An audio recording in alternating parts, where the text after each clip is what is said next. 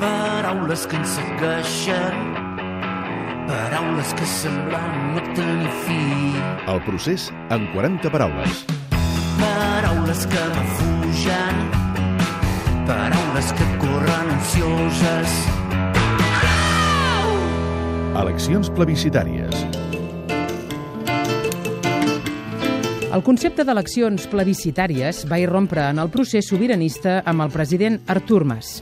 Veient que no hi havia manera legal de convocar un referèndum d'independència a Catalunya, Mas va convocar les eleccions anticipades del 27S, el 27 de setembre del 2015, amb la voluntat de convertir unes eleccions autonòmiques al Parlament en la forma legal més semblant possible a un referèndum, a un plebiscit. Una convocatòria seguint el marc legal vigent, semblant a totes les que s'han fet fins a, a dia d'avui, pel que fa a la forma.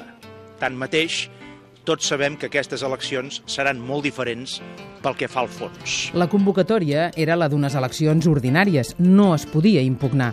I a partir d'aquí, el caràcter de plebiscit, va dir Mas, li donaran els partits en la campanya, perquè els independentistes demanaran clarament el vot a favor de la independència.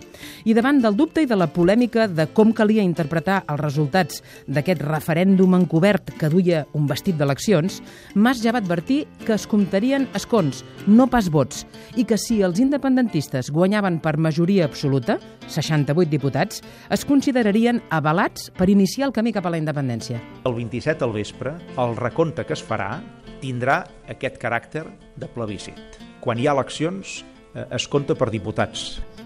Els antiindependentistes no van admetre mai que era una mena de plebiscit, però tampoc van fer boicot demanant l'abstenció. El referèndum que ells volen donar-li aquest 27S no és referèndum, són solament unes eleccions autonòmiques. No son elecciones plebiscitarias, como dicen algunos, son elecciones al Parlamento de Cataluña, pero son unas elecciones muy importantes y si yo tuviera que dar un mensaje en el día de hoy, le diría a la gente, vaya usted a votar para que no voten otros por usted.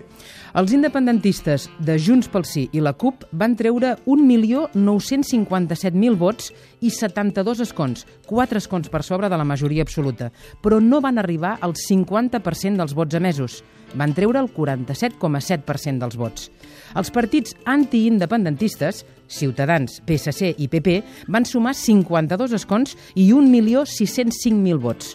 I en el terreny intermedi, en terreny ambigu i de mal llegir en clau de plebiscit, els 469.000 vots i 11 escons de Catalunya sí que es pot i Unió Democràtica, els partits favorables al dret a decidir però que no havien fet campanya clarament a favor de la independència.